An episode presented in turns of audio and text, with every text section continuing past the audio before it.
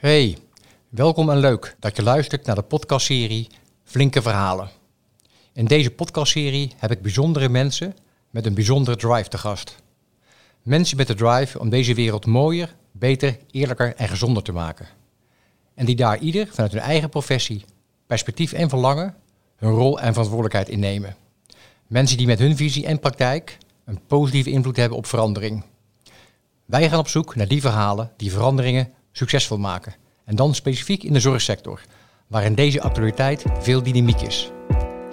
Mijn naam is Barry Popma van Flink Veranderen.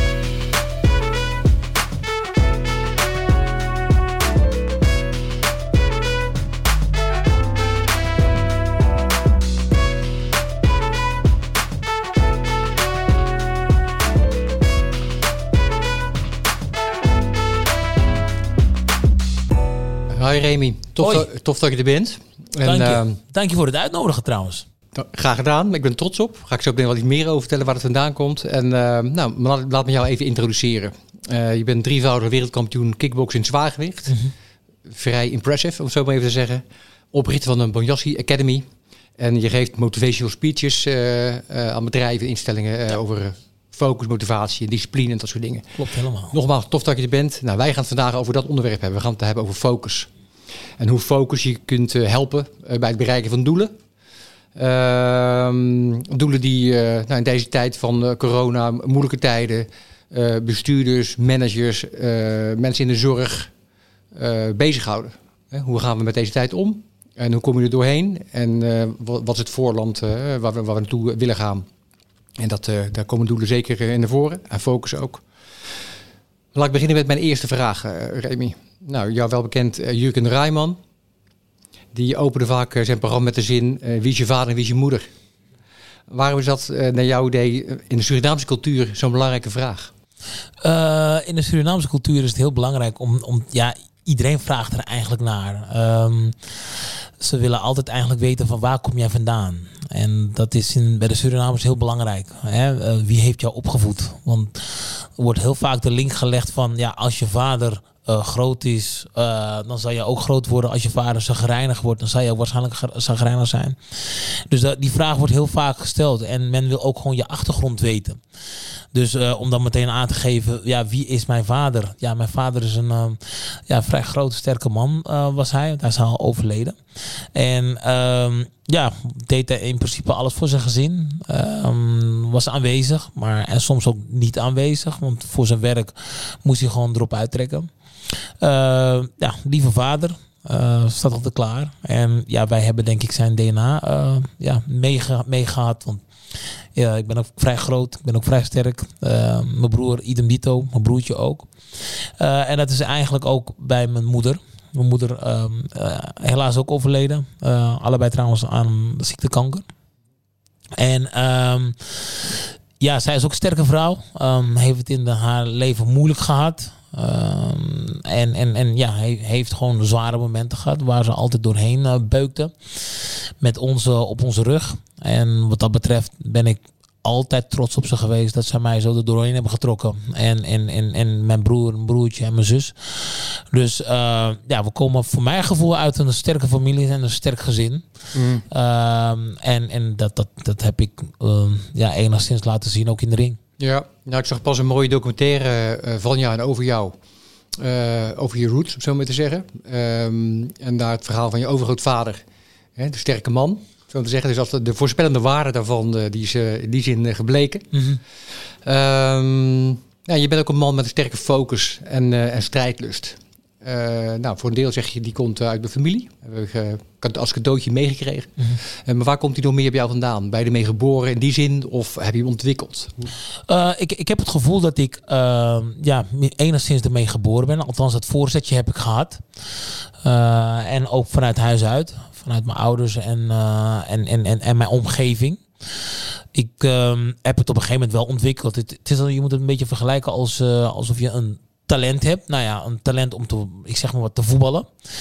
Maar je moet het ook ontwikkelen. Je moet het door blijven pushen. Je moet het blijven doorgaan om dat groter te maken. Eh, en voor mijn gevoel heb ik dat echt ook een voorzetje gehad. Dat ik het soort van het talent had om focus te hebben. en ervoor te gaan. Want mijn ouders waren er wel voor van oké, je gaat je inzetten ergens voor. Nou, dan moet je wel voor gaan. Dan moet je echt wel het, ja, uh, tot, tot de bodem gaan. En dat vond mijn vader ook wel belangrijk. Hè? Uh, want wij moesten sporten. Uh, en, Waarom en, precies, Remy? Nou, omdat hij dat heel belangrijk vond. Hij vond het belangrijk om goed met je lichaam bezig te zijn. Uh, hij was ook atletisch gebouwd en wij waren er dat ook allemaal. En wij moesten er wel voor gaan. En dat vond hij heel belangrijk. Want ja, sport in je leven, dat brengt gewoon veel meer dan alleen maar uh, de beweging. Hè. Mm. Je, je, gaat ervoor om, om je lichaam gezond te houden. Uh, het teamverband. Hè. Het laat je zien dat je ergens voor kan gaan. En, en, en, en dat je ook een ruggensteun krijgt van een ander. Of dat je, als jij laat zien aan jouw kant dat je er helemaal voor gaat, trek je ook weer de anderen mee.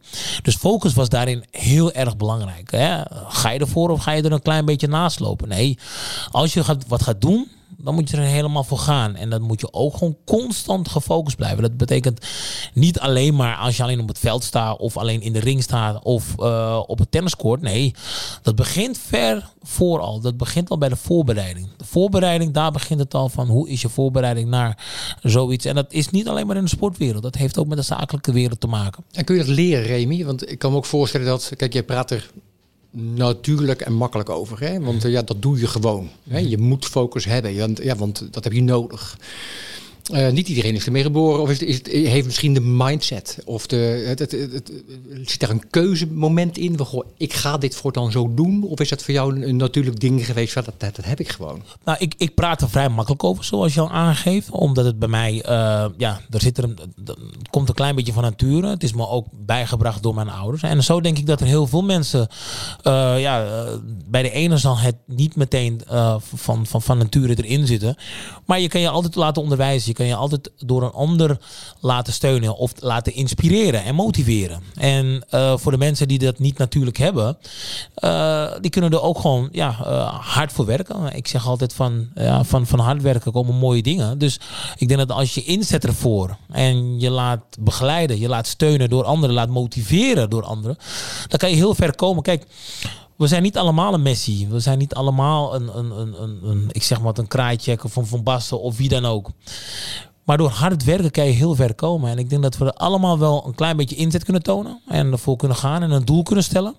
En vanuit daar gewoon keihard werken. En dan moet je eigenlijk ja, doorgaan totdat je uh, het, het beste van jezelf naar boven kan halen. Want als ik jou zo beluister, zeg je, um, hè, die, die focus, uh, je gaat ergens voor. Dat betekent dan ook, denk ik, dat je een doel moet hebben. Ja. Want uh, focus zonder doel is heel hard je best doen, maar dat gaat alle kanten op. Ja, je moet het, je moet het als, als ik het naar deze tijd haal. Hè, uh, er zijn bijvoorbeeld, het sporten mogen bijvoorbeeld allemaal niet. Hè, um, nou, we zouden eigenlijk dit jaar een mooie Olympische Spelen hebben. Uh, op het moment dat, dat de sporters horen van ja, we mogen niet meer sporten en we weten nog niet eens wanneer de Olympische gespeeld gaat worden dan is het heel moeilijk om ergens naartoe te werken. Want je hebt geen doel. Je, hebt niet, je kan het niet uitstippelen. Je kan niet uitstippelen van oké, dan moet ik op uh, eh, 60% zijn en dan op 80%, dan op 90% en dan op 100. En dan wordt het heel lastig. Dan wordt het heel lastig om gefocust te blijven. En uh, op het moment dat je wel een doel hebt, dan kan je het uitstippelen en dan kan je er naartoe werken. En dat is hetgeen wat ik bedoel met, uh, ja, je, je hebt toch echt een doel nodig. En zonder doel wordt het heel lastig om jezelf te motiveren. Hey, je maakt dan nog uit, Remy, of uh, een grote focus, lees grote inspanning, ook een groot doel nodig heeft? Zeggen we nou, ik kan, me voorstellen dat uh, heel veel inspanning leveren voor een klein doel lastig is, of zie ik dat verkeerd? Nou, ik, ik, ik, ik probeer altijd uh, het, het, maximale eruit te halen. Ook, ook al is het een klein doel. Ik vergelijk het dan altijd meteen met een spelletje. Kijk, als, we, als jij nu een, uh, een mens erg in het bord uh, tevoorschijn pakt, dan beginnen mijn handen te zweten. Denk ik, oké. Okay, wie gaat er winnen? Wie gaat er winnen? En ik wil winnen. Kijk, uh, of, of, of, ik moet daar in een groter, grote stadion staan om te vechten, om een wedstrijd te doen. Dan gaat bij mij ook mijn handen zweten. Maar net zoveel als bij dat mens erg in die spelletje. Want ik, ik wil dat spelletje ook winnen. Uh, er zijn maar een paar mensen die van, van, mij mogen winnen. En dat zijn mijn kinderen en mijn vrouw. Maar voor de rest moet iedereen gewoon verliezen. Ja, dan moet je, moet je laten winnen. moet, ja, die moet je zeker laten winnen, ja. Ja, mooi dat je, dat je het zegt. Want ehm, nou, mensen vanuit de gedragspsychologie zeggen ook wel eens van... goh, weet je, eh, je moet een grote doel voor ogen hebben... maar begin met kleine stapjes. Ja. Overeet je niet in je doelstellingen. Mhm. En begin klein, maar ik hoor jou eraan toevoegen... gaat dat voor die kleine stapjes met even groot commitment... en even grote focus... Want eh, die heb je gewoon in iedere stap nodig. Klein, Ja, klein die, heb, die heb je zeker in iedere stap nodig. En, en, en dat houdt je ook gefocust. Dat houdt je ook gefocust. Want al zou je een kleine stap willen maken of een klein doel willen bereiken. Als je daar al laten zien van nou, ik doe het half bakken. Ja, dan hoef je ineens na te denken over een groot doel. Dus ik zeg van als je een, eh, kijk, eh, als je een klein doel wil behalen. Ja, geef dan die 101 of 102 procent of 103 procent. Doe dat dan. Ja. En eh, ga je voor die, voor die, voor de, van zo'n grote doel, ja, dan verwacht ik wel een 110%. En als je in die modus komt, eh, dat je voor het kleine doel al behaald hebt, ja, dan, dan is het wat makkelijker om ook die gefocusteerd te houden. Kijk, want we kunnen niet allemaal in één keer gaan v- van 0 naar 100. Dat gaat niet in één seconde. Dat gaat ook in een soort opbouw. Want je moet ook langs de, de, de, de, de 40, de 50, de 60. Je kan niet in één keer 100 gaan. Dus om alvast in die modus te komen, is het gewoon, gewoon prima om ook al voor het kleine doel al een, een, een sprintje te trekken. Wat was jouw doel destijds, Remy? Want je zei, goh, eh, ik moest tussen aanhalingstekens van mijn vader en mijn moeder. Hè? Die vonden het belangrijk om het lijf te trainen, om ook fit te zijn. Eh, was dat jouw push of had je ook een doel eh, voor jezelf? Nou, bij mij komt het een klein beetje door mijn achtergrond. In die zin dat, eh, kijk, ehm, eh, mijn ouders gingen op een gegeven moment uit elkaar. En ja, dat was heel tragisch. Mijn, mijn, mijn vader kwam te overlijden. Ehm, mijn moeder moest toen ja, als analfabeet voor ons vieren zorgen. Moeilijke tijd. En dan ga je om je heen kijken van oké, eh, wat nu? Eh, we zitten aan een uitkering. We leven eh, in Amsterdam Zuidoost, in de Bijlmer, in Krijnest. En dan moet je toch, ehm, toch moet je er hard voor gaan werken om daar bovenuit te komen. En toch moet je gaan kijken van hoe gaan we hier uitkomen? Want we zijn. Eh, we hebben het moeilijk, we hebben het zwaar. Af en toe staat er gewoon een deurwaarder voor de deur. En die, die zegt van, ja, je moet betalen, anders moet ik je nu het licht eh, uitdoen. Of ik moet de energie afsluiten. Of ik moet jullie eventueel het huis uitzetten. Eh, en dan moet je toch je moeder gaan steunen. En dan, daar komt het bij mij vandaan. Dat ik heb gezien hoe het niet moet. Ik heb gezien hoe het wel moet. En dan kan ik de keuzes maken. Want in die periode waren er... eh, had je meer mensen om je heen om af te glijden. En die je lieten zien van... Oké, nou, eh, je kan lekker mee met ons afglijden. Ja, dat is een makkelijke weg. Makkelijke weg. Of je kan zeggen van... Oké, eh, ik kan de andere kant kiezen. Die was niet altijd even makkelijk. Maar ik heb er gelukkig voor gekozen. En met de steun van mijn moeder... Die heeft mij laten zien van... Nou, blijf alsjeblieft op het rechte pad. Want dat zal je veel meer brengen dan het slechte pad. En gelukkig heb ik daarvoor gekozen. En gelukkig heeft zij me gefocust om ervoor te gaan, om voor het goede pad te gaan. En uiteindelijk eh, is het me gelukt. Eh, en daar ben ik eh, vooral mijn moeder ook ontzettend dankbaar voor. Ja, Ja. ja. mooi.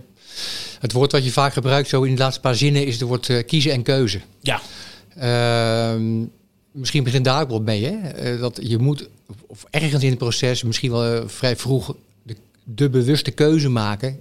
Ik wil dit, ik ga daarvoor. En ehm, dat het een bewust stevig besluit is. ja eh, kijk, eh, op een gegeven moment eh, ja, werkte ik ook gewoon op kantoor. Hè? Ik werkte bij de ABN AMRO, financial controller.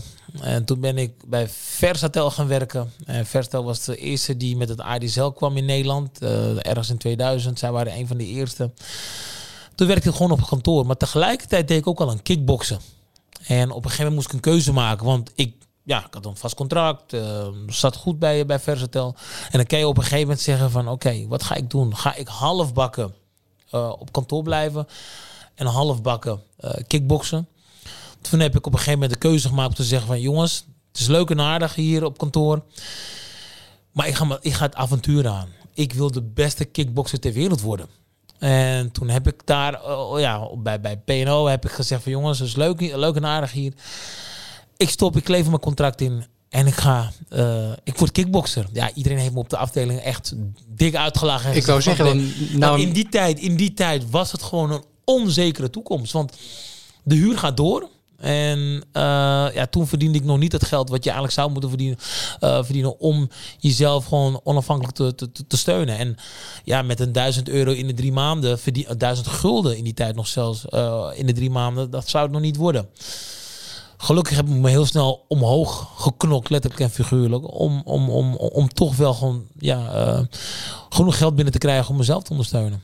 En als het gaat om steun, uh, kon jij dat uh, wij spreken helemaal zelf? Of had je ook steun van een iemand of anderen nodig om daar sterk in te blijven? Nou, die transitie die ik maakte was ontzettend belangrijk. En dat is voor jonge sporters ontzettend belangrijk. Want je, uh, dit was ten eerste een, echt een, een belangrijke financiële steun. Want als je in één keer stopt met, uh, met, met, met je werk, ja, je fulltime baan. En je zegt tegen de werkgever, jongens, hey, ik ga vandoor. Dan heb je in die transitie heb je nog ergens een ondersteuning nodig. Want net wat ik vertelde, onder drie maanden krijg je een keer uh, duizend gulden. Ja, dat is niet genoeg om de huur te betalen en je voeding te betalen en allerlei ja, voorzieningen die je nodig hebt om uh, in je levensonderhoud. Dat, dat had ik gewoon nodig. En toen een, vriend van de zaak, die zei van ik ga jou sponsoren. En dat had ik echt nodig, want uh, ik stopte met werk toen ik 25 was. Want ik trainde toen maar drie keer in de week. Nou, wat absoluut niet genoeg is om mee te doen met de echte jongens. Dan moet je zeker op 15 keer in de week zitten. Nou, uh, omdat ik wat talent had, kon ik tot een bepaald punt, bepaald punt meegaan. En uh, ja, dat, dat, talent had, je, had ik gewoon nodig. En daardoor won ik nog heel wat wedstrijden. Maar dan kom je op een gegeven moment op het punt van... Je komt jongens tegen die net zoveel talent hebben. Misschien zelfs minder talent hebben als jij. Maar die kunnen gewoon twee keer per dag trainen uh, vijf, zes dagen in de week. Ja, en dan krijg je gewoon een pak rammel van die jongens. En, en ik had ook een pak rammel gehad uh, tegen Gerald Venetiaan. Een hele sterke jongen. En dat was voor mij het punt dat ik zei van... Oké, dit kan ik niet meer op deze manier doen. Ik moet een keuze gaan maken, want die Gerald die, die leefde ervoor. Die had minder talent als ik, maar hij won gewoon van me. Omdat hij gewoon zijn, zijn beetje talent kon ontwikkelen. En hij had die keuze eerder gemaakt dan ik. Dus op een gegeven moment zei ik, oké, ik stop met alles wat ik doe. Ik ga 100% ervoor om de sterkste vechter ter wereld te worden. En toen heb ik dat ook gedaan. En dat was voor mij, ja, en ja, net twee jaar later. Twee jaar later was ik al wereldkampioen. Hey, en, um, want je kunt jezelf dat voornemen, hè? want uh, ik ga dat worden. Uh -huh. uh, nou, dat kan een soort uh, bluff zijn of een soort duwtje zijn die je zelf nodig hebt. Maar geloof je er zelf in? ik heb er op dat moment 100% in geloofd. En um, ik wil er meteen bij zeggen van... Het lukt natuurlijk niet iedereen. Kijk, als je niet het atletisch vermogen hebt, als je niet de, het, team om je heen hebt, als je niet, uh, ja, je, je moet ook een beetje aan die parameters kunnen trekken en duwen. Als dat niet goed staat, ja, dan, dan kan je wensen wat je wil, maar dat gaat niet lukken. Dus je moet een, een, een, je moet een plan hebben. En dat hadden we gelukkig. Samen met trainer hadden we een plan. Want ja, ik had bepaalde dingen ook mee. Uh, ik had mijn atletisch vermogen. Ik had een drive van je welste. En dat heb ik in de jaren daarvoor heb ik dat opgebouwd. Een drive te hebben om wat je ook aan doen bent ervoor te gaan. Dus had ik op een gegeven moment uh, ook de gedachte om ervoor te gaan. En mijn trainer zei ook van Remy, uh, wat wil jij? Ja, ik zeg, ik wil de beste van de wereld worden. Hij zegt, wat wil je ervan opgeven? Ik wil er alles voor opgeven, vertelde ik. Uh, en toen zei hij van, nou, wil je er voor echt alles voor opgeven? Dus ook de feestjes, ook de taartjes, ook de ja, de afleidingen. Toen zei ik van ja, ik wil ervoor gaan. En dat was het moment dat we tegen elkaar zeiden: oké, we gaan er 100% voor. We gaan niet opbellen in de ochtend om 8 uur van dat ik als ik moet trainen van ja, ik voel me niet lekker of wat dan ook. Nee, dan sta je er ook. Want juist op die dagen dat je, je niet lekker voelt, dat je geen zin hebt en dat het allemaal tegen zit, dat je ja. met het verkeerde been uit bed stapt, dan moet je juist gaan. En dan, dan word je tussen je oren heel sterk. Hey, en wat kwam er dan, toch even nog terug naar uh, uh, dat moment, wat kwam er dan voor jou eerder? Het geloof, ik kan dit? Of uh, ben je het gaan geloven toen je zag dat je de supportstructuur kreeg, de steun van mensen om je heen? En ben je toen gaan geloven? Of begon het al het? Begon, het begon al vrij, vrij vroeg. En, en ik ben gelukkig niet gaan luisteren naar de, de mensen die nee roepen. De, de, de negatievelingen om me heen. Want die heb je.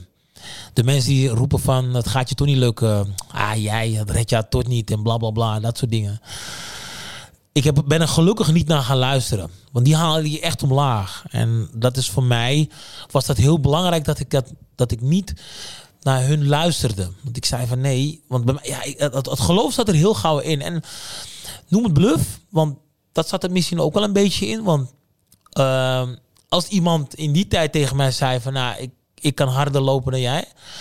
Als stond Usain Bolt namens, had ik nog gezegd, nou, laten proberen. Even proberen. Ja, laten we kijken dan. Laten we kijken hoe snel je bent. Dus het is echt wel een stukje blug. Want ik, eh, of, of je nou, eh, ja, in die tijd, eh, als iemand voor me stond, en misschien was ik een jaar of 15, die zei, kom, we gaan een handje drukken.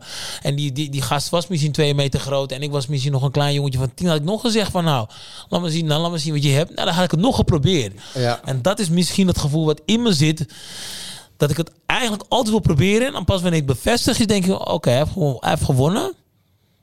Maar ik, ik heb nog niet echt verloren. Ik ga kijken of ik het weer terug kan pakken. Oh ja, mooi zeg. Ja. Ja, mooi. Hey, ehm, een van je uitspraken is: eh, martial arts is not about fighting. It's about building character. Ja, Kun je dat uitleggen? ja, zeker. Ik kan dat zeker uit, eh, uitleggen. De sport die ik beoefen, hè, martial art en, en de discipline daarvan is kickboksen. Ehm, het, zijn, het zijn, zijn allemaal mensen die, eh, die allemaal willen winnen. Ehm, en, de ene, en, en, en de ene wil winnen door zijn technieken te verbeteren. De ander wil winnen om dus zijn zelfvertrouwen omhoog te brengen. De ander zegt van nou, ik wil de, de grootste kampioen worden. Nou, voor mij in dat geval was al die stukjes wilde ik ook mee hebben. Dus ik wilde een goed mens worden. Ik wil st- sterk tussen mijn oren hebben. En ik, en ik wil echt een grote kampioen worden. Ik, ik, ik wil goed voor mijn lichaam willen zorgen. Dus al die stukjes die je bij elkaar brengt, dat zijn allemaal dingen die ik nodig heb om een goed karakter te hebben. Eh, goed door het leven te kunnen. En want er wordt natuurlijk gekeken naar je alsof je een, ja, je, je kan alleen maar in de ring stappen en mensen in elkaar slaan. Nee, dat is het niet. Want buiten de ring ben ik ook een persoonlijkheid. Zo'n persoonlijkheid die ik in de ring heb, dat zie je bij mij ook buiten de ring. Ja, die wil je ook zien, hè? Die wil ik ook laten zien. En die wil ik ook aan mensen laten zien. Want in de ring wil ik een kampioen zijn, een groot kampioen. Maar ik ben ook buiten de ring wil ik ook een kampioen zijn. En wat ik daarmee wil zeggen is dat mijn karakter in de ring is als je, als je, als je mij uitdaagt om tegen mij in de ring te staan, wil ik de beste zijn. Dan wil ik, dan wil ik ervoor gaan. En ik zal alles binnen de regels houden, sportief. Maar buiten de ring ga ik er ook voor. En dan wil ik ook de persoon zijn die ik in de ring ben. En dat is gewoon een grote kampioen. Als iemand mij wat vraagt, zal ik er antwoord op geven. Als iemand een foto wil, zal ik daar de tijd voor maken. En als ik, eh, als, als, ik, moet iemand met u aanspreken of wat dan ook. Eh, en dat is degene wat ik wil laten zien. Dat is mijn karakter, karakter ook. Maar omdat ik soms zit ik wel eens naar andere grote kampioenen te kijken. En die laten mij soms het tegendeel zien. Dat ze in de ring een groot kampioen zijn. En buiten de ring zijn het klootzakken. En dat vind ik jammer. Misschien een open deur, hè? Maar waarom is dat zo belangrijk voor je om ook buiten de ring? eh, is dat dan. Is dat je opvoeding? Is dat. eh, Nee, zeker. Dat is zeker een stukje opvoeding. Maar dat is ook wat. Er zijn een paar factoren die wat erin eh, meespelen. Want ik, het, is echt wel mijn opvoeding hoor. Dat ik een, een, zo'n type ben. Maar. Eh, kijk, ik kom uit een tijd met die sport. eh, dat de sport het gewoon heel moeilijk heeft gehad. Ja, eh, een goede 20, 25, 30, 40 jaar terug. qua imago iedereen- bedoel je? ja, imago. Dacht iedereen heel anders over deze sport. Je werd gezien als een soort crimineel. Je wordt gezien als een, ja, iemand met laag IQ. Je wordt gezien als, ja, je staat het allemaal wel niet snappen en je wil alleen maar mensen beuken. Ja, dat is het niet. Eh, er is veel meer aan deze sport. Het is ook een hele oude sport. Het is ook eh, een sport die met heel veel respect naar elkaar toe wordt beleefd. En eh, dat hadden mensen niet helemaal, dat begrepen mensen niet helemaal. Omdat er zaten wat ja, slechte figuren in, in de sport. En die voor alle duizenden, miljoenen mensen die deze sport beoefenen, ja, werd er heel vaak gekeken naar de mensen die het niet goed deden in deze sport. En daar werd er meteen een label aangeplakt. En daarom wilde ik ook laten zien aan de mensen van nee. We zijn helemaal geen criminelen. We zijn goede mensen. Alleen we, wij beoefenen een sport waar wij voor kiezen. En we beoefenen een sport waar eh, respect heel hoog staat. Maar dat werd niet altijd begrepen. Ja. En daar, heb- daar heb je een voorbeeldrol in genomen. Ja, die heb ik echt wel eh, op mijn schouder genomen. en dacht van, dat wil ik aan de mensen Ja. laten zien. Is dat de En reden, Remy, waarom ze jou de, eh, de Flying Gentleman noemen? Ik denk het. Ik denk het wel. Waar komt die Eh, vandaan? Die, Ja, die, die, die, die bijnaam is, is eigenlijk door de Japanners is dat gebracht. eh, en misschien ook op een leuke manier. Want toen ik in Japan voor het eerst vocht. Ja, ik kwam meteen met een vliegende knie, vliegende trap, alles. eh, Weet je, want ik ben een super zwaar gewicht, hè, boven de 95 kilo. En dan is het vrij. En er werd al gezegd van super zwaargewichten kunnen niet hoog springen. Ja, dan moet je dan niet aan mij vertellen, want ik wil het dan juist proberen om te laten zien van jongens, ik kan het wel. Dus ik kwam met een vliegende trap, vliegende knie. En dat was een klein beetje lelijk, want ze zeiden van nou, dan gaan we je de vlieg noemen. Ja, dat wil je niet. Nee, dat wil ik absoluut niet. Nee, want Nee. je weet waar een vlieger constant op zit. En je weet dat dit eh, allemaal viezigheid met zich meebrengt. Nou, toen eh, heb ik duidelijk gemaakt aan mijn fan van jongens, misschien kunnen we een andere bijnaam verzinnen. Nou, omdat ik me altijd eh, ja, netjes voor, voor probeer te doen, kwamen ze al met de gentleman. Ja, toen dacht ik bij mezelf, nou, dat, dat staat me veel beter. En toen kwamen er weer andere fans die zeiden van, nou, de Flying Gentleman. Ja, en dat paste helemaal bij mij. Want ja, ik maak gesprongen acties, ik maak gesprongen trappen. En eh, ook effectief was ik ermee. Ja, en dat, dat, dat was helemaal, die, die bijna paste helemaal bij mij. Ja, Mooi. ja. Hey, wat zijn naar jouw idee ehm, de drie belangrijkste dingen die je hebt geleerd over jezelf eh, in je sportcarrière? Wat, waar ben je jezelf tegengekomen? Wat, waar, he- waar heeft groei gezeten? Ja, ik, ik denk het doorzetten.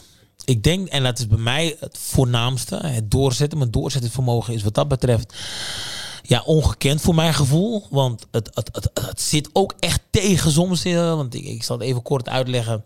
In die tijd moest je dus niet maar, net als nu in deze tijd, vecht je één partij.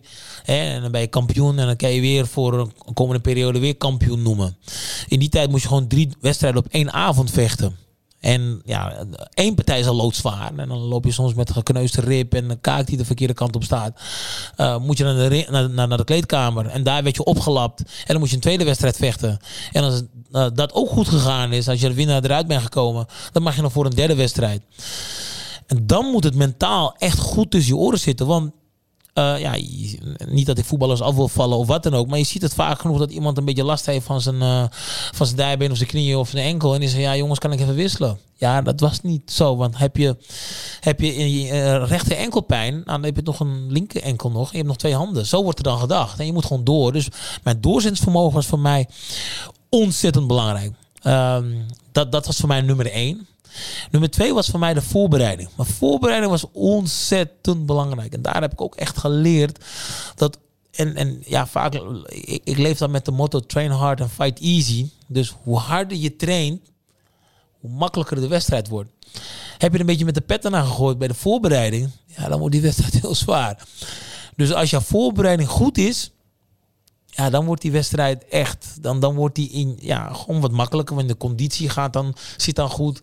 Ja, je, je bent scherp, je, technieken zitten goed in elkaar. En dan wordt die wedstrijd wat makkelijker. Dus, en eh, wat belangrijkste nog, eh, nou, niet het belangrijkste, maar wat, wat ook heel belangrijk is en overkoepelend misschien, is het plezier erin hebben.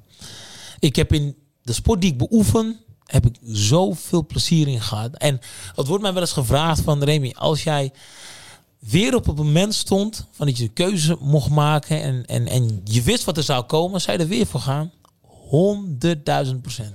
Ik zou zo weer voor, het, voor deze sport kiezen, want het heeft me zoveel meer gebracht dan alleen die drie titels. Het heeft me, eh, als mens heeft het me sterk gemaakt. Als, als persoon heeft het me echt gewoon goed gedaan. Dus ik zou er zo voor, weer, eh, eh, voor, voor willen gaan. Ja. Hey, en als we kijken naar dat stukje voorbereiding, hè? je zegt eh, train hard, fight easy. Deed jij ook iets bewust rondom je mentale training of je emotionele training? Of, want in hoeverre is jouw sport ook een, voor een deel een mind game? Ja, de sport die ik beoefen is zeker een mindgame. Eh helaas was het in mijn periode nog niet zo dat er een mental coach aan te pas kwam eh, en dat soort dingen. Dus alles wat wij aan mentale voorbereiding deden, dat gebeurde in de dojo, in de training. Daar werd je echt tot het, tot het, ja, tot het uiterste gedreven, zodat je het in de ring ehm, ja, dat moment herkende van oké, nu zit het zwaar. Maar daar liet de trainer je zien van je kan nog. Hè? Eh, je moet je voorstellen dat je hebt een anderhalf tot twee uur lang hard getraind. Keihard getraind. En dan lig je soms gewoon echt voor pampers. Gewoon lig je lang uit in het dojo op de grond. Denk je bij jezelf, ik kan niet meer. En dan kwam de trainer naar je toe. En die zei dan van Remy, hoe voel je? Ik zei, ik ben me kapot trainer. Hij zegt dan van, Dus ja, je kan niet meer. Ik zei, nee, ik kan echt niet meer. Dan vroeg ik me van, Remy, stel je voor hè, dat het nu brand uit zou breken. Wat zou je doen? Ik zeg, nou, ik zeg, keihard wegrennen natuurlijk. Hij zegt dan, ja, daar ben je dus helemaal niet moe. Want dat is dat knopje. En dan zei hij meteen van, nou, sta op. We gaan nog een paar rondjes, uh, rondjes doen. Dus dat, dat was voor mij... Daar liet hij zien van, je kan nog. Want dat was ook gewoon zo. Want ik stond dan weer op en ik dacht bij mezelf, oh, ik kan echt niet meer. En dan kwam er nog steeds stoten uit en dan nog steeds kwamen trappen uit. Dat wil betekenen dat ik eigenlijk op het moment dat ik op de grond lig, het eigenlijk aan het opgeven ben. En op het moment dat ik opsta en toch doorga, betekent dat ik weer gezocht heb naar het knopje. En, want die, die drie mensen heb je. Je zoekt naar het knopje en je drukt het nog niet in. Je hebt andere mensen die naar het knopje zoeken en twijfelen of ze hem op, uh, indrukken. En je hebt dat derde groepje die naar het knopje gaat zoeken, het knopje vindt en hem ook wel echt indrukt. En dat was voor mij ook echt het gevoel van dat je nog veel meer kan op het moment dat jij het zwaar hebt, hoe zwaar je het ook hebt, er is altijd nog een beetje om door te gaan. Hey, en um, we zeggen ook wel eens, ja, uh, nou, overspannenheid en stress is de, een van de grootste ziektes nu van onze maatschappij. En daar, daar leren we mensen om juist uh, het knopje niet in te drukken en uh, te luisteren naar je lijf, het luisteren naar je lichaam en naar, naar hoe je je voelt. Uh, dit is, dat, is een, dat is een ander stuk. Hè? Jij zegt, goh, weet je, als je het wil en je, bent, je moet zorgen dat je in je, lijf en je, en je bovenkamer gezond bent. Mm -hmm. Zij zorgt daar goed voor. Want als je daar goed voor zorgt, dan uh, kun je altijd die extra stap uh, zetten. En dat is een beetje hoe ik dat, uh, dat zo beluister. Mm -hmm. um, even een hele andere vraag, Remy. Ja. Um, want je hebt een, een, een, reis gemaakt van de ABN AMRO Bank Versatel naar, uh, naar uh, Tokyo Dome. Tokyo Dome. 70.000 man. um, en op een gegeven moment um, heb je ervoor gekozen om ondernemer te worden. Ja. Hoe uh, was dat een logische stap voor je? Um, enigszins wel. er zullen mensen ook zijn die mij erop betrapt hebben dat ik ooit heb gezegd van ik word nooit trainer. Ik ga niet met het waterzakje lopen achter een vechter aan naar de ring toe. Totdat ik het voor het eerst had gedaan. Samen met een andere hoofdtrainer ben ik meegelopen naar de, naar de ring. En ik dacht van zo. Dit is leuk.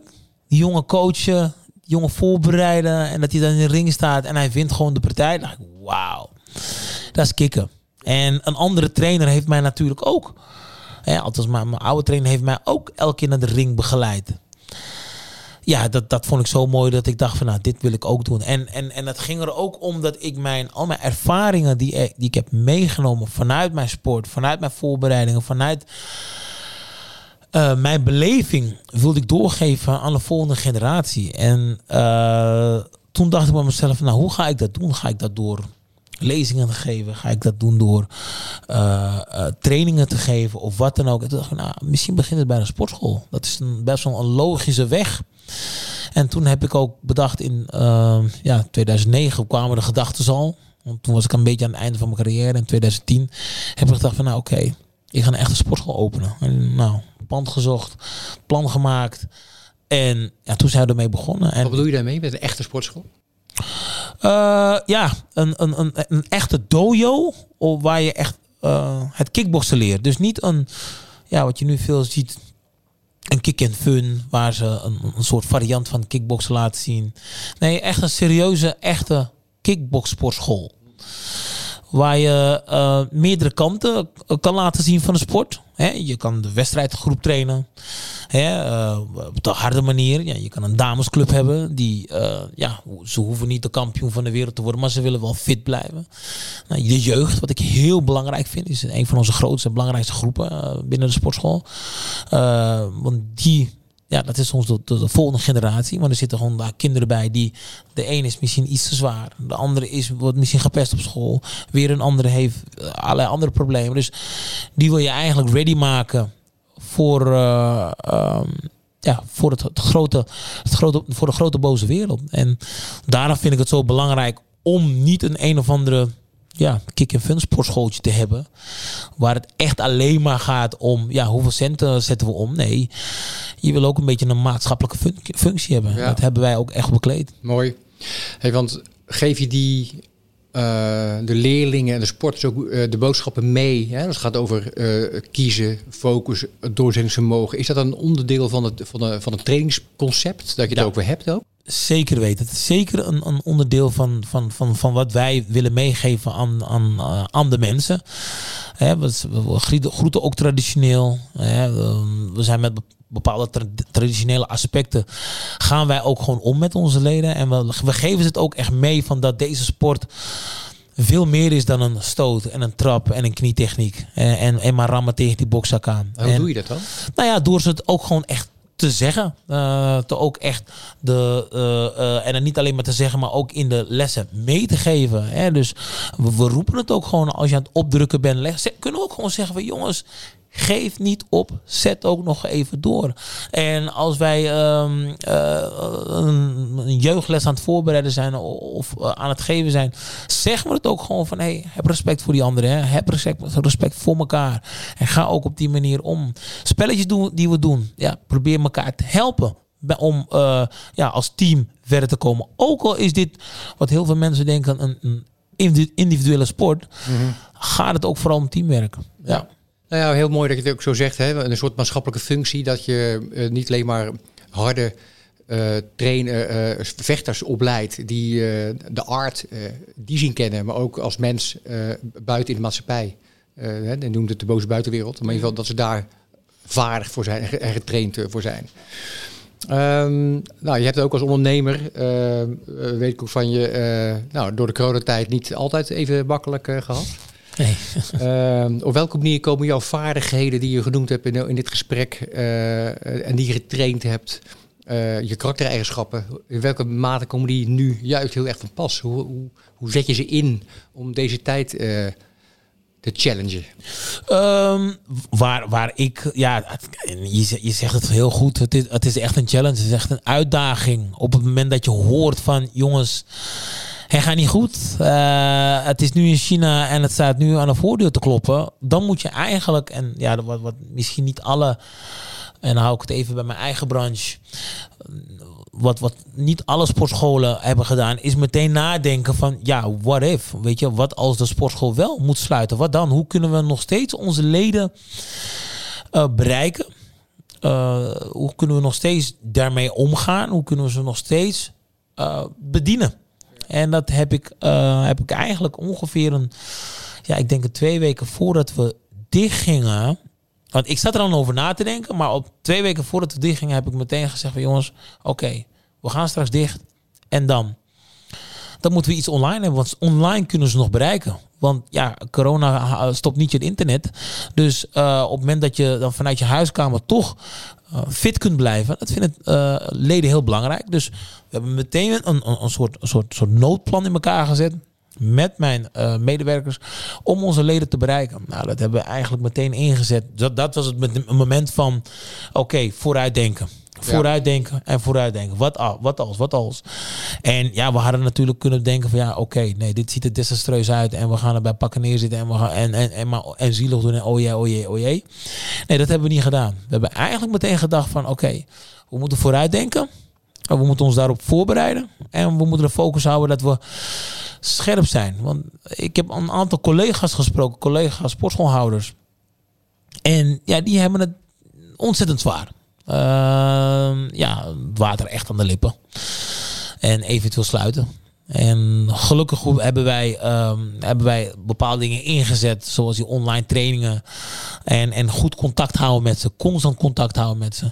Waardoor uh, voor ons gevoel hè, de echte community die wij al hadden nog sterker is geworden. En waardoor we eigenlijk geen, weinig tot geen opzeggingen hebben. Nee. wat zo mooi daarin is, is dat je um, uh, wat je in het begin van het gesprek ook al zei, hè, heb een plan. Denk vooruit, heb een plan. Uh, voer het uit. En gaat, hij gaat gewoon doen. Uh, ik weet ook dat je, de, dat je nou, niet altijd de, uh, de moeilijke weg schuwt. Hè. Je hebt de, media gezocht. Ja. Ik heb een filmpje van je gezien, uh, zien voorbij komen. Mm -hmm. Waarin je met een aantal andere sporters een oproep hebt gedaan naar nou, beslissers in Nederland. Ja. Dus je kiest ook de, die weg. Mm -hmm. Ja, nee, we hadden natuurlijk uh, achterover kunnen zitten en zeggen van nou oké, we wachten wel tot, uh, want dat werd aangegeven van dat we eigenlijk pas in 1 september open mochten gaan. En dat was het idee van, uh, van mijn vrouw. En uh, idee van een van mijn tegenstanders. Zijn vrouw. Dus oud tegenstander hoor. Melvin Manuvel heb ik vroeger vaak nog tegengevochten. en zijn vrouw, Tamara, samen met mijn vrouw Renate, die hebben toen bedacht van oké. Uh, we kunnen niet bij de pakken neerzitten, we moeten wat verzinnen. Nou, toen werd ik ingelicht omdat ik een beetje aan het editen ben. Uh, toen hebben, hebben we iedereen opgebeld die maar een beetje toedeed. Dus de Arie Boomsma, de Dennis van der Geest. En ook binnen onze sport hebben we ook een aantal mensen opgebeld. Van Peter Aarts en Esther Hoos, Sam Schild. Hebben allemaal opgebeld van jongens. hey, we zitten allemaal met de sportschool onze sport. Hè, ja, het kan niet zo zijn dat wij als laatste in het rijtje komen. Dat begrepen we ook helemaal niet. Want ze hebben het over immuunsysteem. Als dat sterk genoeg is, dan, uh, ja, dan, dan, dan is dat je, je, je schild tegen het, tegen het coronavirus. Ja, dan moet je wat aan doen. Dus wij dachten, het kan toch niet zo zijn dat je eerst een, een botox in kan spuiten. Je kan even naar de kapper gaan en als je wil nog een bitterbal halen. Dat kan toch niet zijn dat wij dan ergens achterin komen. Nou, toen hebben wij met elkaar gesproken. We hebben een, een soort uh, ja, uh, tien regels opgesteld.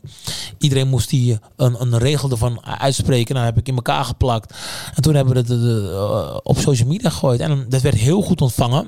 ja, het was in de journaals, het was in de, bij de, de, de, RTL Boulevard. Was het. Dus wij, wat wij wilden bereiken, was bereikt. En ja, het is duidelijk ook, ook terechtgekomen bij de mensen die het ook moesten horen. Ja. En gelukkig ook. Want, uh, toen kwamen er ook gesprekken vanuit uh, NL Actief. Toen kwamen gesprekken vanuit allerlei andere uh, partijen. Waardoor ja, genoeg geschreeuwd werd vanuit, vanuit onze, onze branche. Totdat zij, ja, denk ik, in gesprek zijn gegaan. En het mooie is eruit gekomen door het te vervroegen. En we wachten het nog steeds af voor. Het is nog niet helemaal beklonken, voor mijn gevoel. Dus ik, uh, ja, ik wacht nog een beetje met spanning af. Want er moet niet een, een soort tweede piek komen of iets dergelijks. Want dan stappen ze meteen eraf en zeggen: Nou, laat toch maar die 1 september doen. Ja, nou, scherp blijven ook op dat, uh, op dat vlak. Juist. Um, als we kijken naar uh, nou, je weet, ik werk uh, in de zorgsector en ik ben veel bezig met veranderingen in die sector. Um, ja, die sector heeft het zwaar. Uh, nou, ook een van de redenen waarom ik jou hiervoor heb uitgenodigd en ook een, uh, nou, ergens in dit jaar een, een, mooi symposium gaan organiseren rondom inzicht, liefde, beweging, antwoorden krijgen vanuit beweging, maar op jouw thema focus. Mm -hmm. als we kijken naar die, naar die toch best lastige, ingewikkelde taak die bestuurders, directeuren, mensen in de zorg nu hebben. Wat zou je ze als afsluiter van dit gesprek willen meegeven als boodschap van jongens en meisjes, hè, dames en heren van, uh, die ervoor gaan en voor staan in de zorg. Uh, dit is mijn, uh, mijn advies aan jullie. Um, mijn advies zou zijn voor alle mensen die in de zorg zitten, bestuurders en ook de mensen die er eventueel gewoon ziek bij liggen.